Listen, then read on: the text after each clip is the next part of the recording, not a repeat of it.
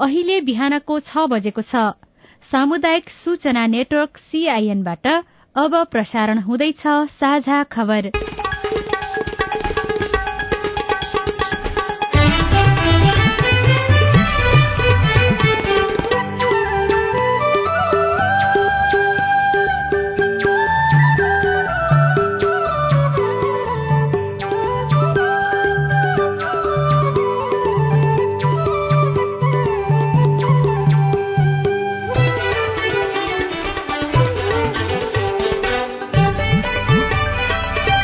शुभ प्रभात। यो सीआईएनको साझा खबर हो। सजना तिमल सिन्हासँगै लील प्रकाश चन्दको तपाईँलाई स्वागत छ। सामुदायिक रेडियोबाट देशैभरि एकैसाथ प्रसारण भइरहेको साझा खबर सीआईएन खबर डट कम र मोबाइल एप सीआईएनबाट पनि सुन्न सकिन्छ। आज दुई हजार उनासी साल पुष एक गते शुक्रबार डिसेम्बर सोह्र तारीक सन् दुई हजार बाइस नेपाल सम्बत एघार सय त्रिचालिस पौष कृष्ण पक्षको अष्टमी तिथि। साझा खबरमा प्रमुख खबरका शीर्षकहरू। पुष अठाइस अघि नै नयाँ सरकार बनिसक्ने देउबालाई दबावमा राख्न माओवादी केन्द्रका अध्यक्ष प्रचण्ड एमालेसँगको संवादमा तीन प्रदेशमा सरकार गठनका लागि एमालेको अग्रसरता। संघीय सरकारका पदाधिकारी र कर्मचारीको भत्ताका लागि मात्रै वार्षिक नौ अर्ब खर्च। वित्तीय अपराध नियन्त्रण कानून नबन्दा नेपाल कालो सूचीमा पर्ने जोखिम। विदेशी विनिमय सञ्चितले नौ महिनाको आयात धान्ने। सन्ताउन्न प्रतिशत गर्भपतन अझै असुरक्षित वनस्पति शास्त्रको अध्ययनमा कोटा प्रणाली बाधक चिसोमा बालबालिका र वृद्धको विशेष ख्याल गर्न चिकित्सकहरूको सुझाव। दक्षिण एसियामा वायु प्रदूषण भयावह। भारतमा विषालु रक्सी खाँदा दुई दिनमा त्रिचालिस जनाको मृत्यु। चीनमा कोरोना संक्रमित फेरि बढ़न थाले। र बीस वर्ष मुनिको दक्षिण एसियाली महिला च्याम्पियनशीपको खेल तालिका सार्वजनिक।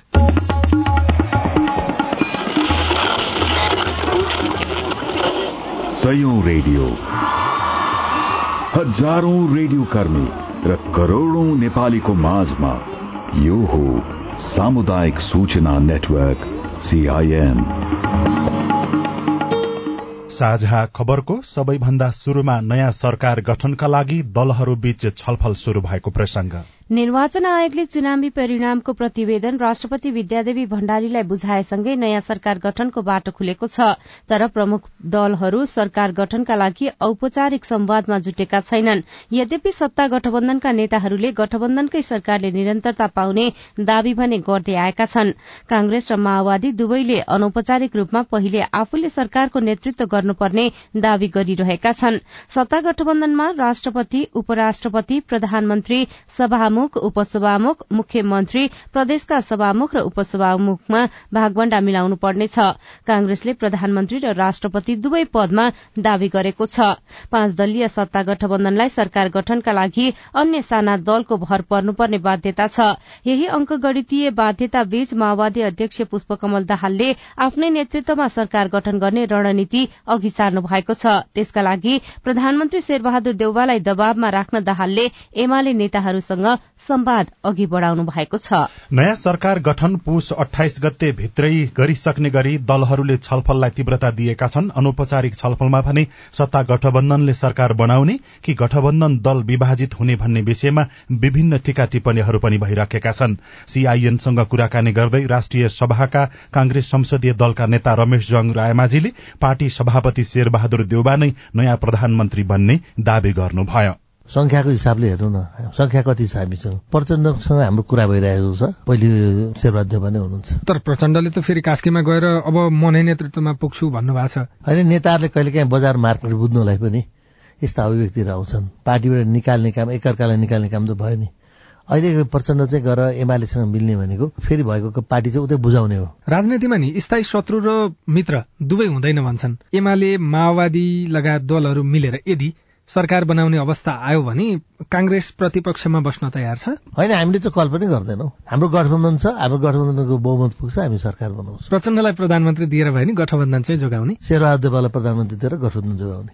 सरकार र नेतृत्वको बारेमा नेपाली कांग्रेस एमाले माओवादी केन्द्रका नेताहरू बहुपक्षीय तथा द्विपक्षीय छलफलमा जुटिरहँदा युवा नेताहरूले भने नयाँ व्यक्ति प्रधानमन्त्री बन्नुपर्ने बताइरहेका छन्। सीआईएनसँग कुराकानी गर्दै एमाले नेता बिन्दा पाण्डे। जनमतले पहिलो बनाएको पार्टीले सरकार गठन गर्ने कि संख्यामा पहिलो भएको पार्टीले सरकार गठन गर्ने भन्ने चाहिँ बाहिर हल्ला चाहिँ अब दुइटै छ। तर मलाई पर्सनल्ली भन्नुहुन्छ भनेदेखि जुनसुकै पार्टीले सरकारको नेतृत्व गरे नि पुरानाहरूबाट होइन कोही पनि नयाँ अनुहारले सरकारको नेतृत्व गर्नुपर्छ। पुरानो प्रधानमन्त्री भएका व्यक्तिहरू फेरि दोहोरिने कुरोको अहिलेको जनमतको म्यान्डेट होइन भन्ने कुरा चाहिँ बुझ्दाखेरि राम्रो हुन्छ भन्ने लाग्छ।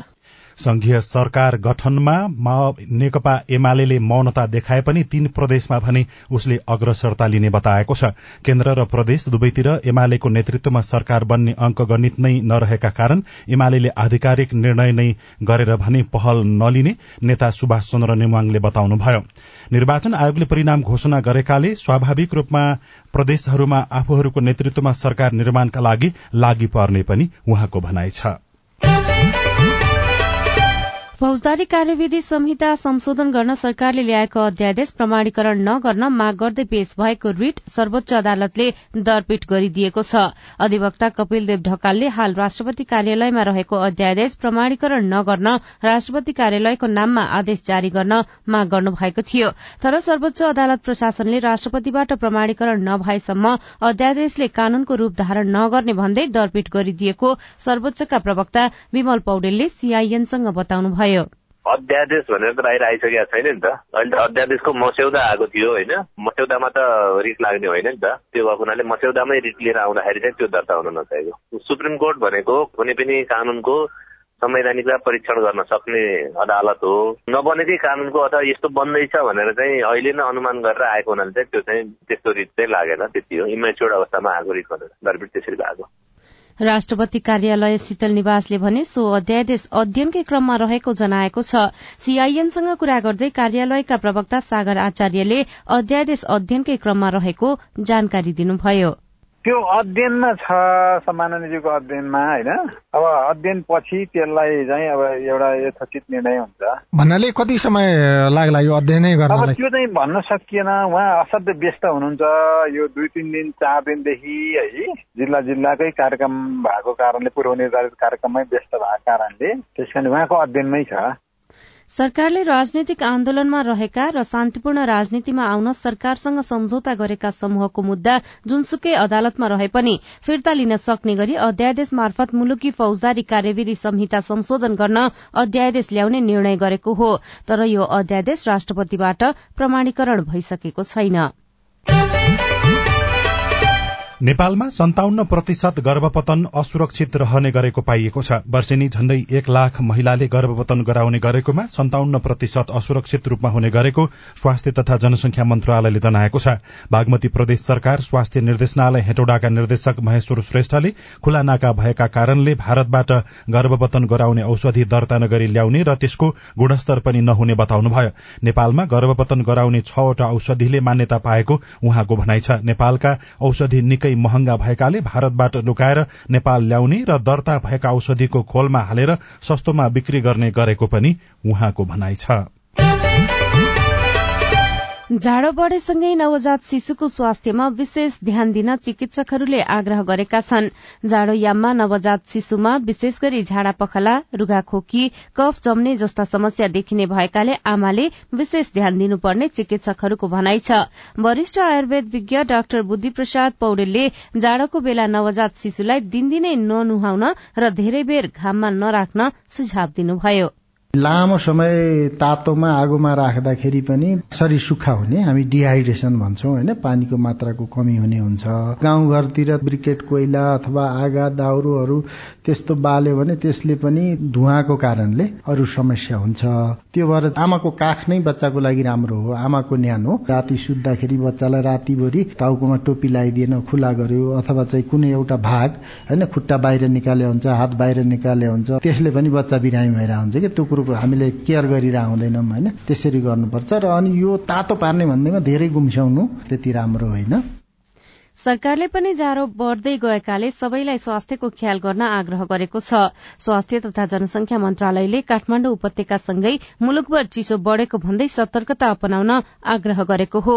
सीआईएनसँग कुराकानी गर्दै मन्त्रालयका प्रवक्ता डाक्टर संजय कुमार ठाकुरले भन्नुभयो वृद्ध वृद्ध गर्भवती महिला बाल बालिकाहरूलाई अलिकति चिसोबाट बचाउनलाई न्यानो लुगा लगाउने घरभित्रै बस्ने त्यो कुराहरू त सबै सार्वजनिक सूचना त प्रकाशित गरिरहेकै छौँ हामीले। हरेक हस्पिटलमा म्यानेजमेन्ट कमिटीहरू छ उहाँहरूले त्यो कुरालाई आफ्नो लोकल लेभलमा कसरी सोल्भ गर्ने त्यहाँ पालिकाहरूसँग कसरी समन्वय गर्ने स्थानीय सरकारले कसरी गर्ने हरेक ठाउँको फरक फरक त्यो हुन्छ नि। त त्यो हिसाबले उहाँहरूले पनि आफ्नो काम गर्न त्यहाँको स्रोत साधनहरू प्रयोग गर्ने छँदैछ। यहाँबाट जाने कुराहरू पनि छँदैछ। थप केही चाहियो भने उहाँहरूको रिक्वेस्टमा पनि हामी गर्ने नै छ हरेक वर्ष पनि।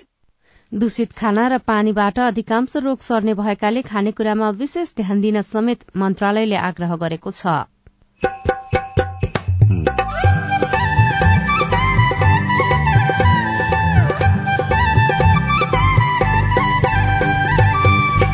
सामुदायिक सूचना नेटवर्क सीआईएन मार्फत देशभरि प्रसारण भइरहेको साझा खबरमा वनस्पति शास्त्रको अध्ययनमा रोजगारीको सम्भावना कति?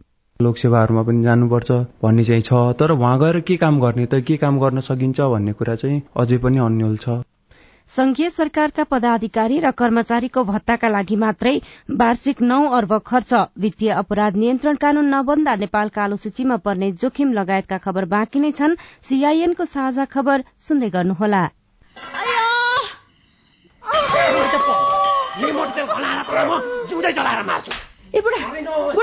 लाउन नि त्यो माइलाले त मार्ने भयो त माइलीलाई। मटी तेल पो खनाउँदैछ त। लाउन नि झट्टै पुलिस बोलाइदिनु त। हो त पुलिसलाई खबर नगरी भएन। यसले त अति नै गर्न लाग्यो। एक शून्य शून्य। Hello police station? लौ न तपाईँहरू झट्टै यो जिल्ला अस्पताल लिएर आइदिनु पर्यो। तपाईँहरू जस्तो असल छिमेकीलाई चाहिँ धेरै धन्यवाद है। हामीलाई बेलैमा खबर गरिदिनु भएर थप अप्रिय घटना हुन पाएन। यसरी अग्निजन्य हिंसा महिला हिंसा गर्नेलाई त कानून बमोजिम दण्ड सजाय हुन्छ। ल यसलाई लिएर हिँड्नुहोस् त। सावधान। पेट्रोल मट्टीतेल जस्ता ज्वलनशील पदार्थ लगायत तेजाब करेन्ट आदिले जलाई ज्यान मार्ने अङ्गभङ्ग गर्ने शारीरिक क्षति पुर्याउने जस्ता आपराधिक कार्य गर्नेलाई प्रचलित कानून अनुसार कडा भन्दा कडा सजाय तथा जरिवानादेखि जन्म कैदसम्म हुने व्यवस्था छ। त्यस्ता कार्य नगरौं नगराउ।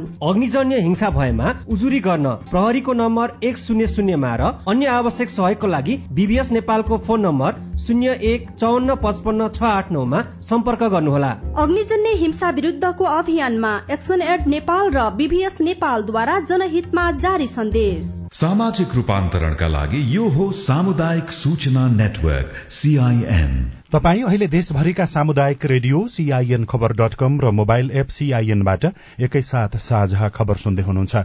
मोबाइल एप नेपाली पात्रोबाट पनि सीआईएनको साझा खबर सुनिरहनु भएको छ। अब बाँकी खबर। तोकिएको समयमा काम नगर्ने बाह्रवटा आयोजनाका निर्माण कम्पनी तथा व्यवसायीलाई सरकारले कार्यवाही गरेको छ। सार्वजनिक खरिद अनुगमन कार्यालयले एक सूचना जारी गर्दै विभिन्न आयोजनामा काम गर्ने बाह्रवटा निर्माण व्यवसायीहरूलाई कालो सूचीमा राखिएको जानकारी दिएको छ। कार्यालयका अनुसार याक्थुमहाङ निर्माण सेवा बीपी कन्स्ट्रक्सन र स्टार अफिस इन्टरनेशनललाई तीन वर्षको लागि कालो सूचीमा राखिएको छ। यस्तै खिम निर्माण सेवा Lohani and sons construction Nanda निर्माण सेवा राष्ट्र निर्माण सेवा सपना निर्माण सेवा लगायतका निर्माण कम्पनीलाई एक वर्षसम्मको लागि कालो सूचीमा राखिएको छ। सशस्त्र प्रहरी बलको आयोजनामा काम गरिरहेको अग्रिम निर्माण सेवा पीपी निर्माण सेवा तथा देव कन्स्ट्रक्सन जन कन्स्ट्रक्सन र जय निर्माण सेवा खहरे खोला इन्टरप्राइजेसलाई एक वर्षसम्मका लागि कालो सूचीमा राखिएको छ। यी कम्पनीले कालो सूचीमा राखिएको अवधिभर ठेक्कामा सहभागी हुन नपाउने कार्यालयले जनाएको छ। अब आज काठमाण्डुबाट प्रकाशित पत्र पत्रिकाको खबर कान्तिपुर दैनिकमा राष्ट्रपतिमा पूर्व प्रधान न्यायाधीशको खोजी संविधानको अवहेलना शीर्षकमा कुलचन्द्र नेउपाने र गंगा विशीले लेख्नु भएको छ। संविधानले स्पष्ट भनेको छ सर्वोच्चको पूर्व प्रधान न्यायाधीश वा पूर्व न्यायाधीश मानव अधिकार आयोग बाहेक अन्य पदमा नियुक्ति हुने छैन। दल र नेताहरूको सहयोगमा राष्ट्रपति पनि हुन सकिन्छ कि भन्ने आश रहे। कति न्यायाधीशले कार्यपालिकाका गलत निर्णय खारेज गर्न सक्लान् भनेर प्रश्न गरिएको छ। अर्को खबर वित्तीय अपराध नियन्त्रण कानून नबन्दा नेपाल कालो सूचीमा पर्ने जोखिम रहेको बारेको छ। वित्तीय अपराध नियन्त्रणका लागि समयमै कानून निर्माण गर्न नसक्दा नेपाल कालो सूचीमा पर्ने जोखिम देखिएको हो। सम्पत्ति शुद्धिकरण मामिलामा निगरानी राख्ने अन्तर्राष्ट्रिय निकाय एसिया प्रशान्त समूह र फाइनेन्सियल एक्सन टास्क फोर्ससँग सम्बन्धित मापदण्ड अनुरूपका कानून निर्माण गर्न नसक्दा नेपाल ग्रे लिस्ट नकारात्मक सूचीमा पर्न जोखिम पनि उत्तिकै रहेको छ। भित्री पन्नामा अर्को खबर गणित र विज्ञानका धेरै शिक्षक अनुतीर्ण शीर्षकमा सुदीप कैनीले लेख्नु भएको छ शिक्षक सेवा आयोगले मध्य प्रदेशमा निम्न माध्यमिक तहका पैंतिसजना विज्ञान शिक्षकका लागि आवेदन माग्दा बत्तीस जनाले मात्रै परीक्षा दिए। तीमध्ये सातजना लिखित परीक्षामा सफल भए। मधेसमा मात्रै होइन देशभर निमावि तहमा चार सय चालिस स्थायी विज्ञान शिक्षक माग गर्दा दुई सय सन्ताउन्न मात्रै अन्तर्वार्ताका लागि छनौटमा परेका छन्। नयाँ पत्रिका दैनिकले पदाधिकारी र कर्मचारीको भत्तामै नौ अर्ब शीर्षकमा खबर लेखेको छ। संघीय सरकारका पदाधिकारी र कर्मचारीको भत्तामा मात्रै एक वर्षमा ढुकुटीबाट झण्डै नौ अर्ब रूपियाँ खर्च भएको छ। दुई हजार अठहत्तर उना अस्सीमा उनीहरूले विभिन्न आठ शीर्षकमा आठ अर्ब सन्तानब्बे करोड़ चौविस लाख चौरात्तर हजार भत्ता बुझेका महालेखा नियन्त्रकको कार्यालयले जनाएको छ। यस्तै सार्वजनिक खर्च घटाएर मितव्यय बन्ने भन्दै सरकारले धेरै पटक नीति निर्देशिका मापदण्ड र मार्गदर्शन जारी गर्यो। सार्वजनिक खर्च पुनरावलोकन आयोगले पनि भत्ता सुविधा कटौती गर्न सुझाव दिएको थियो। तर कार्यान्वयन पक्ष फितलो हुँदा खर्च नियन्त्रण हुनुको साटो वर्षे नि बढ़दै गएको छ।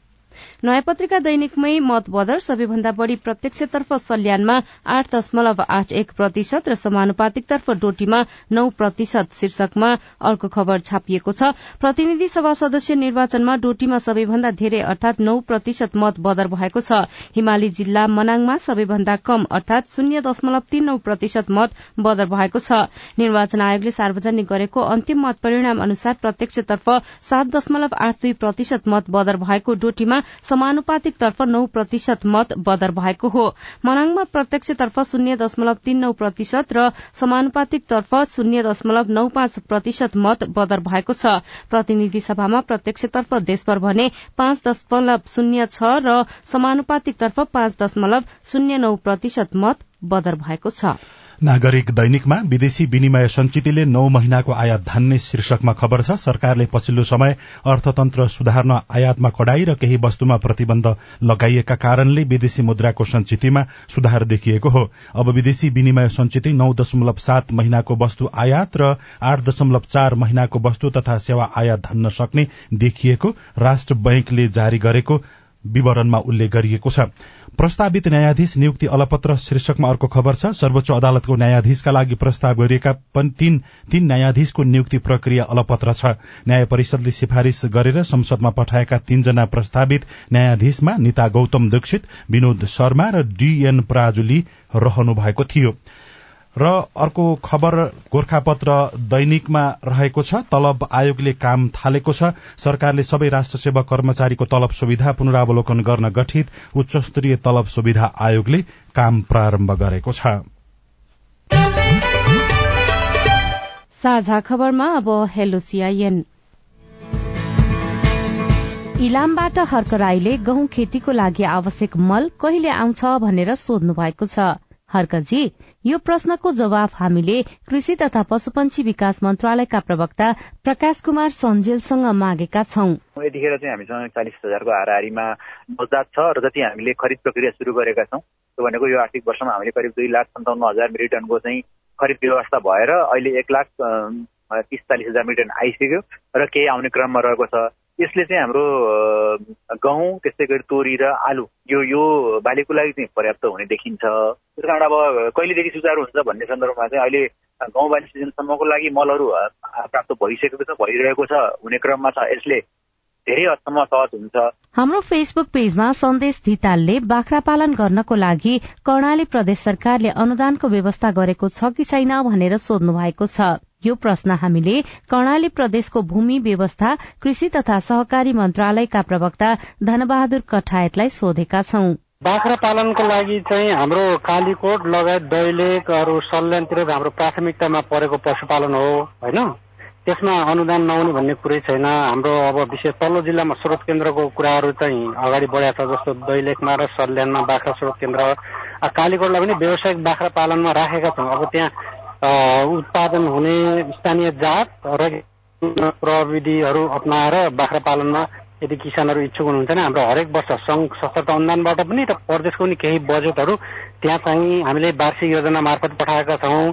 अनि नेपालगंजबाट विवश शाहीले नेपालगंज उपमहानगरपालिका वडा नम्बर उन्नाइस आलानगरमा दुई हजार सतहत्तर सालमै चारवटा बत्तीको पोल माग गरेको भए पनि अझै आएन किन भनेर सोध्नु भएको छ। तपाईँको प्रश्न हामीले नेपालगंज वितरण केन्द्रका सहायक प्रबन्धक दिवाकर प्याकुरेललाई सुनाएपछि उहाँको जवाब छ। उहाँ नभएर धेरै ठाउँबाट दिनुहुन्छ। हामीले प्रायोरिटी चाहिँ बत्ती नबलेको ठाउँमा प्रायोरिटी गर्छौँ मैले सुरुमा बत्ती बाल्नु भएको छ कि छैन पहिलो कुरो। अनि आवश्यकता हामीले फिल्ड हेरेर गर्ने हो। तर उहाँले निवेदन दिनुभएको छ भने उहाँले पहिला यहाँ जानकारी गराइदियो। हुन्थ्यो एकचोटिमा मेरो नम्बर छ अन्ठानब्बे पाँच अस्सी एकाउन्न एक सय सतहत्तर। मैले यहाँ तल गेटमा पनि हाम्रो फोन नम्बर छ होइन? यदि कुनै फाँटबाट काम ढिला सुस्ती भएमा कार्यक्रमलाई फोन गरेर पनि तपाईँले गुनासो सक्नुहुन्छ। तपाईँ जुनसुकै बेला हाम्रो टेलिफोन नम्बर शून्य एक बान्न साठी छ चार छमा फोन गरेर आफ्नो प्रश्न जिज्ञासा गुनासा अनि समस्या रेकर्ड गर्न सक्नुहुनेछ। साझा खबरमा अब विदेशको खबर। भारतको बिहारमा विषाक्त रक्सी खाँदा दुई दिनमा त्रिचालिस जनाको मृत्यु भएको छ। मदिरा निषेधित बिहारको सारण जिल्लामा दुई दिनमा त्रिचालिस जनाको मृत्यु भएको भारतीय संचार माध्यमले जनाएका छन्। मसरक शहरभन्दा तीन किलोमिटर वरिपरिको क्षेत्रमा एकै दिन घटना घटेकाले रक्सीको उत्पादन एकै स्थानबाट भएको अनुमान गरिएको छ। भारतले ब्यालिस्टिक मिसाइल परीक्षण गरेको छ। पाँच हजार किलोमिटर क्षमताको मिसाइलनको सफल परीक्षण गरेको संचार माध्यमहरूले उल्लेख गरेका छन्। यसले हतियारको केही महत्वपूर्ण परीक्षण भएको पनि खबरमा उल्लेख गरिएको छ। चीनमा कोरोना भाइरसको संक्रमण दर फेरि बढ़न थालेको छ। शून्य कोविड नीति लगभग सकिएको अवस्थामा संक्रमितको संख्या भने तीव्र गतिमा बढ़िरहेको बीबीसीले जनाएको छ। दक्षिण एसियामा वायु प्रदूषणको अवस्था भयावह रहेको पाइएको छ। संसारका दश प्रदूषित शहर मध्ये नौवटा दक्षिण एसिया क्षेत्रमा रहेको विश्व बैंकको अध्ययनमा उल्लेख गरिएको छ। सार्वजनिक प्रतिवेदन अनुसार वायु प्रदूषणकै कारणबाट दक्षिण एसियामा हरेक वर्ष बीस लाख मानिसको अकालमा मृत्यु हुने गरेको छ। साझा खबरमा अब खेल खबर। बंगलादेशको राजधानी ढाकामा हुने बीस वर्ष मुनिको दक्षिण एसियाली महिला च्याम्पियनशीप फुटबल प्रतियोगिताको खेल तालिका सार्वजनिक भएको छ। दक्षिण एसियाली मुलुक महासंघले फुटबल महासंघले सार्वजनिक गरेको तालिका अनुसार नेपालले प्रतियोगिताको पहिलो खेलमा आयोजक बंगलादेशसँग खेल्नेछ। यो खेल फेब्रुअरी तीन तारीकमा हुनेछ। नेपालले फेब्रुअरी पाँच तारीकमा भूटान अनि फेब्रुअरी सात तारीकमा भारतसँग खेल्नेछ। प्रतियोगितामा नेपाल आयोजक बंगलादेश भारत र भूटान सहभागी हुनेछन्। राउण्ड रोबिनको आधारमा हुने प्रतियोगिताको शीर्ष दुई टोली उपाधिका लागि प्रतिस्पर्धा गर्नेछन्। नेपाली राष्ट्रिय क्रिकेट टीमका कप्तान रोहित कुमार पौडेलको एक दिवसीय ब्याटिङ वरियता यथावत रहेको छ। अन्तर्राष्ट्रिय क्रिकेट परिषद आईसीसीले अद्यावधि गरेको नयाँ वरियतामा पौडेल एकासीौं स्थानमा कायम रहनु भएको छ। बलिङतर्फ सन्दीप लामिछाने बयालिसौं स्थानमा यथावत हुनुहुन्छ। सोमपाल कामी तथा आसिफ शेखको वरियता एक सयौं स्थानबाट तल झरेको छ। ब्याटिङतर्फ शेख र बलिङतर्फ कामी यसअघि एक सयौं स्थानमा भित्र हुनुहुन्थ्यो। ब्याटिङतर्फ पाकिस्तानका कप्तान बाबर अजाम शीर्ष स्थानमा रहनु भएको छ भने बलिङतर्फ न्यूजील्याण्डका फास्ट बलर ट्रेन्ट बोल्ट पहिलो स्थानमा हुनुभएका आईसीसीले जनाएको छ। नेपाल भने एक दिवसीय वरियतामा उन्नाइसौं स्थानमा रहेको छ। र नेपाली राष्ट्रिय क्रिकेट टीमका मुख्य प्रशिक्षक मनोज प्रभाकरले राजीनामा दिनुभएको छ। तत्कालीन मुख्य प्रशिक्षक बुबुदु दासा नायकेले राजीनामा दिएपछि गत साउनमा क्यानले प्रभाकरलाई नियुक्त गरेको थियो। क्यानले प्रभाकरसँग एक वर्षको सम्झौता गरेको भए पनि सम्झौता अघि नै उहाँले पद छाडेर राजीनामा दिनुभएको हो।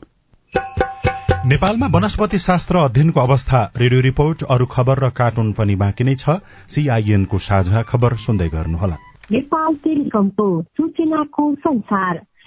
होइन के सुनेको यस्तो ध्यान दिएर दोहोरो बोलेको जस्तो नि देख्दिन। तिन दुई एक शून्य शून्य क्या? तिन दुई एक शून्य शून्य? के हो त्यो भने? बुझिन त। ल सुन एनटिसी प्रयोगकर्ताहरूले आफ्नो मोबाइल तथा ल्यान्डलाइनमा तीन दुई एक शून्य शून्य डायल गरी समाचार रेडियो कार्यक्रम खेल र अन्य विषय बारे सन्देशहरू जुनसुकै बेला निशुल्क सुन्न सक्छन्। ओहो निशुल्क? कस्तो सजिलो। समाचार सुन्न छुट्यो भनेर पिर लागेको थियो। अब त म पनि सुनिहाल्छु। कति रे? तिन दुई एक शून्य शून्य।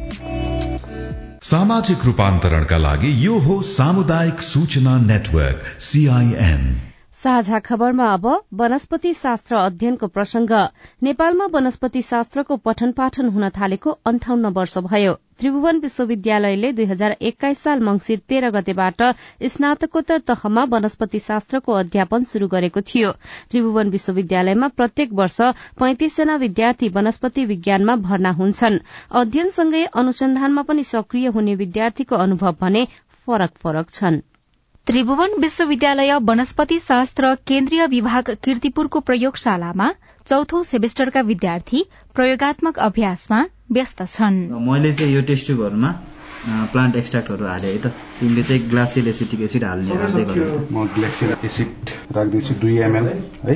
सन्तोष छेत्री सहितका विद्यार्थीले बोट बिरूवालाई विभिन्न कारणले हुने तनाव व्यवस्थापन गर्ने उपायबारे खोजी गरिरहनु भएको छ। धानमा अनुसन्धान भइरहेछ हाम्रो होइन? धानलाई चाहिँ हामीले पानी लगाउँदा र नलगाउँदाखेरि चाहिँ कस्तो इम्प्याक्ट पर्छ? आकाशबाट आउने पानीलाई पनि रोक्ने र जमिनबाट दिने पानीलाई पनि रोक्ने हो भने त्यसमा स्ट्रेस आउँछ। त्यसको चाहिँ हामीले अनुसन्धान गरिरहेछौँ अहिले। मानिस जस्तै बोट बिरूवाको पनि जीवन चक्र हुन्छ।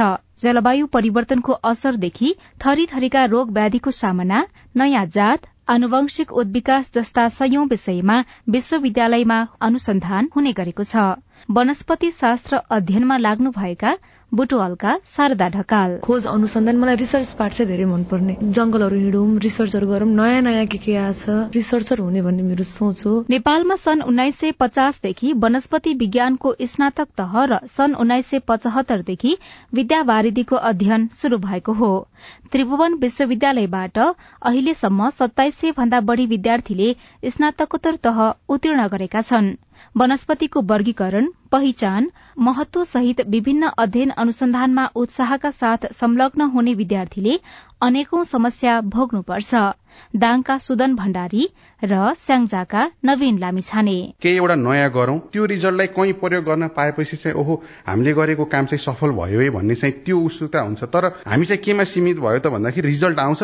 लास्टमा चाहिँ हाम्रो पेपरमा थन्किने अवस्था छ। पढिसकेको मान्छेहरूले पनि अब विभिन्न ठाउँमा जानुपर्छ लोकसेवाहरूमा पनि जानुपर्छ भन्ने चाहिँ छ। तर उहाँ गएर के काम गर्ने त के काम गर्न सकिन्छ भन्ने कुरा चाहिँ अझै पनि अन्यल छ। वनस्पति शास्त्र केन्द्रीय विभागमा अध्ययन गर्न वर्षेनी दुई सय पचास जना जति विद्यार्थीले प्रवेश परीक्षा दिन्छन् तर पैंतिस जनाको मात्र कोटा हुने भएकाले सबैले भर्ना हुन पाउँदैनन्।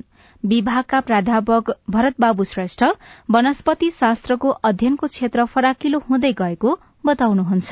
कतिपय हाम्रो विद्यार्थीहरू फ्रिलान्सर भएर अनुसन्धान गरिरहेका छन्। हाम्रो नेपाल सरकारको जागिर वनस्पति विभाग मुख्य हो। त्यहाँ यही विभागका प्रडक्टहरू हुन्छन्। थुप्रै विद्यार्थीहरू चाहिँ उच्च अध्ययनको लागि विश्वका राम्रो राम्रो युनिभर्सिटीहरूमा पनि गइरहेका छन्। त्रिभुवन विश्वविद्यालयको केन्द्रीय विभागमा पैंतिस जना र अमृत साइन्स कलेज र विराटनगरको स्नातकोत्तर क्याम्पसमा तीस तीस जना गरी पञ्चानब्बे जना विद्यार्थीले वनस्पति शास्त्रको स्नातकोत्तर तह अध्ययन गर्न पाउँछन्। वनस्पति शास्त्रका प्राध्यापक डाक्टर रामप्रसाद चौधरी। जलवायु परिवर्तनसँग कसरी अनुकूलन गर्ने कसरी यसलाई मानिसको जीवको पार्कसँग जोड्ने यी सबै कुराहरू आउँछन्। त्यस कारण यो विषयलाई एउटा मल्टिडिसिप्लिनरी विषयमा हुनुपर्छ नीतिहरूमा पनि परिमार्जन हुनुपर्छ त्यसमा सुधार हुनुपर्छ।